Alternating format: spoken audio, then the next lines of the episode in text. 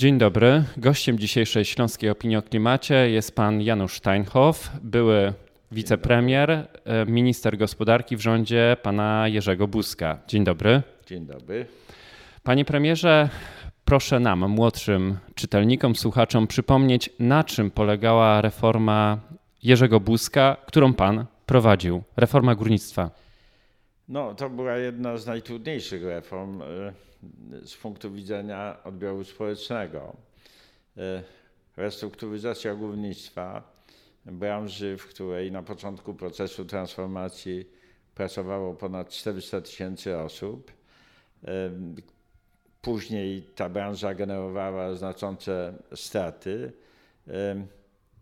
Restrukturyzacja polegała na likwidacji trwale rentownych kopalń, na związanych z tym redukcji zatrudnienia.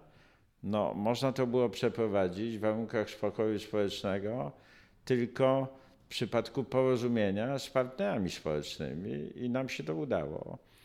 Wszystkie działania rządu Jerzego Buzka na skalę niespotykaną w Unii Europejskiej, bowiem e, ten proces restrukturyzacji został przeprowadzony w Polsce w czasach rządu Jerzego Buzka znacząco szybciej niż w Wielkiej Brytanii e, w czasach Margaret Thatcher. Natomiast zrobiliśmy to lepiej, e, dlatego że zrobiliśmy to w warunkach spokoju społecznego, porozumiewając się, tak jak powiedziałem, z partnerami społecznymi. E, zakładaliśmy, iż nie można gwałcić ekonomii, E, kopalnie trwale wędrowne, które nie mają żadnych szans na rynku, gdzie występuje nadkoncentracja górniczych zagrożeń, co się przekłada na oczywiście koszty wydobycia. Kopalnie, które federowały, że użyję tego sformułowania, pod silnie zurbanizowanymi terenami. W związku z tym pojawiały się szkody górnicze, które również miały wpływ na e, koszty wydobycia no musiały być zlikwidowane. Natomiast pierw trzeba było rozwiązać problem ludzki, czyli inaczej mówiąc, uruchomić system dobrowolnych odejść. Wówczas nie zwolniliśmy ani jednego górnika. E, oni sami odchodzili, mając pomysł na nowy etap zawodowy, bądź też na wcześniejsze emerytury, na tak zwane zasiłki przedemerytalne, na emerytury 5 lat przed normalnym wiekiem emerytalnym.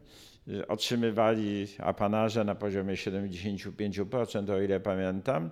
I właściwie cała ta operacja redukcji zatrudnienia o 100 tysięcy osób w ciągu 4 lat odbyła się w warunkach pełnej dobrowolności, czyli górnikom stworzono możliwości dobrowolnego odejścia, tak jak się to czyni w większości zakładów przemysłowych w tej chwili. Nikt nikogo na bruk nie wyrzuca. E, wszędzie w Europie dokonuje się redukcji zatrudnienia tam, gdzie ona jest konieczna, tam, gdzie branża upada, czy też ma problemy ekonomiczne, w warunkach pewnej dobrowolności, stosując system dobrowolnych odejść.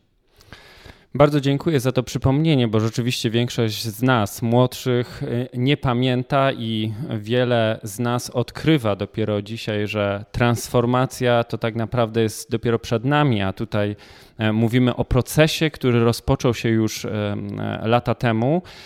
Ale mam takie pytanie w związku z dzisiejszą trudną sytuacją w górnictwie i w energetyce w Polsce. Dlaczego tak się dzieje? Dlaczego dzisiaj jest taka trudna sytuacja? Czyżby tylko pandemia? Nie, trudna sytuacja wynika przede wszystkim z tego, że nie odczytywano znaków czasu. E, ta transformacja polskiej energetyki szeroko rozumianej powinna była się zacząć co najmniej 10 czy 15 lat temu. E, ja myślę, że e, to jest szerszy problem. To jest problem odpowiedzialności polityków za państwo, to jest problem dominacji socjotechniki i populizmu e, w życiu politycznym naszego kraju. To jest problem niechęci do podejmowania jakichkolwiek decyzji, które są trudne w społecznym odbiorze. Ja osobiście mam wiele krytycyzmu w stosunku do obecnej politycznej sceny. E, biorąc e, udział w całym procesie transformacji wcześniej byłem w Sejmie Kontraktowym z ramienia Komitetu Obywatelskiego Solidarność, pełniłem funkcję z nominacji pana premiera Mazowieckiego, e, prezesa Wyższego Urzędu Górniczego. Zajmowałem się reformą prawa górniczego i geologicznego.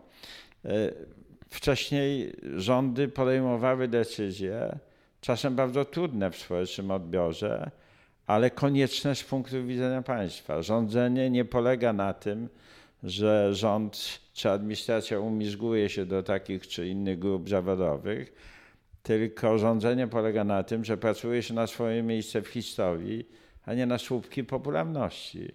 I każdy odpowiedzialny rząd musi myśleć o przyszłości naszego państwa, o przyszłości naszego społeczeństwa i w związku z tym trzeba myśleć o przyszłości naszego kraju nie w kategoriach najbliższych wyborów, tylko w kategoriach co najmniej jednego pokolenia.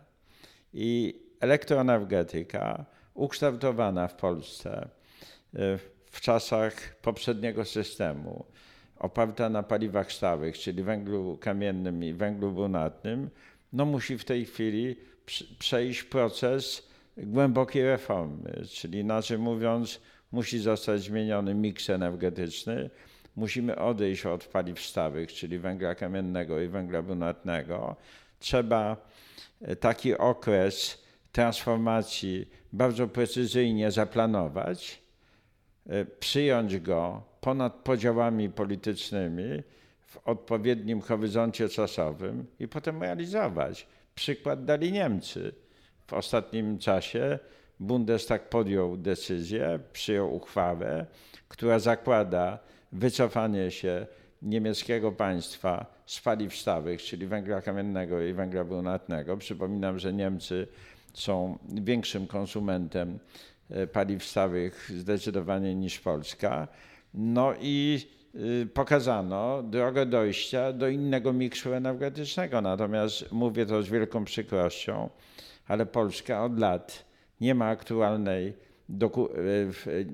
polityki energetycznej państwa, czyli nie mamy strategii przyjętej ponad podziałami politycznymi przekształceń w naszej elektroenergetyce, a to, że będziemy musieli odchodzić od węgla, E, że będziemy musieli odchodzić od węgla w dłuższym horyzoncie czasowym, to jest oczywiste. Natomiast górnikom i społeczeństwu trzeba o tym powiedzieć. Trzeba z partnerami społecznymi to wynegocjować. Natomiast nie mówić, broń Boże, że Polska będzie zawsze węglem stała, że węgla mamy na 200 lat i że górnictwo jest kołem zamachowym polskiej gospodarki. Pamiętać trzeba o tym, że w tej chwili w Polsce hurtowe ceny energii elektrycznej są jednymi z najwyższych w Europie. To rzutuje na konkurencyjność części naszego przemysłu, która jest coraz gorsza. To będzie rzutowało na poziom inwestycji, bezpośrednich inwestycji zagranicznych w naszym kraju. Także musimy pamiętać o tym, że po pierwsze rząd powinien skupić się na funkcjach regulacyjnych, że musimy powoli zmieniać ten miks energetyczny, tak żeby w roku 2050 uzyskać neutralność klimatyczną, tak jak pozostałe kraje Unii Europejskiej. Oczywiście teraz jest program sprawiedliwej transformacji. Będziemy wspierani bardzo mocno przez y, środki y, pochodzące z Unii Europejskiej. Wiele w tej materii zrobił Jerzy Buzek, mój były szef, który działa w Parlamencie Europejskim i y, dobija się o to, aby te środki na transformację, ze względu na specyfikę polskiej elektroenergetyki, na transformację w Polsce były jak największe. Skoro odpowiedzieliśmy sobie na pytanie, co zrobić, no to teraz, jeśli moglibyśmy się zabawić w doradcę tych głównych aktorów procesu e, sprawiedliwej transformacji. Co podpowiedziałby Pan e, rządowi, co podpowiedziałby Pan partnerom społecznym? Mam tutaj na myśli związki zawodowe, samorządy lokalne, organizacje pozarządowe i co powiedzieć górnikom, że ta zmiana jest konieczna? Po pierwsze, jeżeli chodzi o górników, to ta transformacja, czy restrukturyzacja, czy przeobrażenia w górnictwie, to jest chyba najlepsze sformułowanie, nie będą gwałtowne. Mamy przed sobą jakieś 20-25 lat, czyli nie będzie potrzeby e, redukcji zatrudnienia bardzo gwałtownego. Wystarczy ludzi nie przyjmować. Pamiętamy o tym, że w większości śląskich kopalń kończą się zasoby, które można wydobywać e, w sposób uzasadniony ekonomicznie, czyli możemy hamować tą branżę w sposób racjonalny, w dłuższym przedziale czasowym. Natomiast ten proces musimy zaplanować. Nie możemy mówić górnikom, iż e, mają przed sobą przyszłość e, bardzo w daleką w sensie horyzontu. Nie możemy mówić, że Polska będzie węglem stała, że węgiel jest kołem zamachowym polskiej gospodarki, bo tak nie jest. Górnicy są to ludzie ciężkiej pracy, ludzie, z którymi można się porozumieć, tak przynajmniej moje doświadczenie mi podpowiada. I ja ubolewam nad faktem, że współcześni politycy tych ludzi ciężkiej pracy traktują instrumentalnie. Opowiadają bardzo często rzeczy w kampanii wyborczej, które nie mają żadnego związku z ekonomią ani zdrowym rozsądkiem. Także ten proces przeobrażeń w górnictwie i w śląskiej gospodarce trzeba zaplanować w porozumieniu z samorządem. Trzeba e, stworzyć mechanizmy generowania nowych miejsc pracy w innych branżach niż e, związanych z górnictwem węgla kamiennego i mamy przed sobą 25 lat. Natomiast miks energetyczny Polska musi zmienić. Na to nie ma rady. Koszty emisji dwutlenku węgla są coraz wyższe, w związku z tym bardzo wysokie są ceny energii elektrycznej. Niewątpliwie musimy stosować narzędzia wsparcia odnawialnych źródeł energii i takie narzędzia ostatnio rząd zastosował w odniesieniu do fotowoltaiki i prosumencka fotowoltaika rozwija się niesamowicie szybko. To już prawie 2 gigawaty mocy, czyli 2000 megawatów mamy w prosumenckich instalacjach fotowoltaicznych. Musimy wspierać e, energetykę wiatrową nie robić takich operacji, jakie zrobiono 3 czy 4 lata temu. W sposób regulacyjny zablokowano praktycznie inwestycje w energetyce wiatrowej na lądzie. No i musimy wspierać energetykę wiatrową na morzu. Polska strefa ekonomiczna na Bałtyku to jest mniej więcej potencjał 10 gigawatów, czyli 10 tysięcy megawatów mocy, prawda, można tam zainstalować. Oczywiście to są wszystko niestabilne źródła energii. Trzeba kompensować to stabilnymi źródłami energii. Tutaj w grę wchodzi gaz. No i wreszcie rozstrzygnąć problem energetyki jądrowej. Ja osobiście uważam, że będzie bardzo trudno zbudować y, elektrownię atomową ze względu na bardzo wysokie koszty e, inwestycyjne. To jest jakieś około 4,5-5 milionów euro za 1 megawatt mocy zainstalowanej. Poza tym obawiam się, że te decyzje zapadają za późno. Mamy do czynienia z sytuacją wręcz niepoważną. 12 czy 14 lat niekończącej się dyskusji, kiedy czy będziemy w ogóle budować energetykę jądrową i tak dalej. Nie wiem, czy nas będzie stać. W każdym razie komercyjnie nie da się tego e, absolutnie zrealizować. Trzeba sięgnąć do e, istotnych środków e, pomocy publicznej. Czy na to zgodzi się Komisja Europejska, tego nie wiem. Jedno jest istotne, czas dyskusji już dawno minął.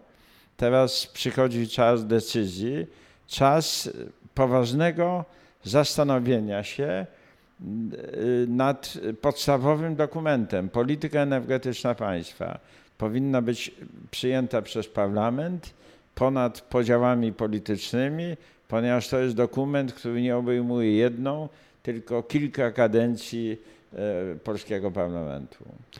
Bardzo dziękuję za dzisiejszą rozmowę. Moim gościem był pan Janusz Steinhoff, były wicepremier, były minister gospodarki w rządzie Jerzego Buzka. Dziękuję bardzo. Dziękuję bardzo.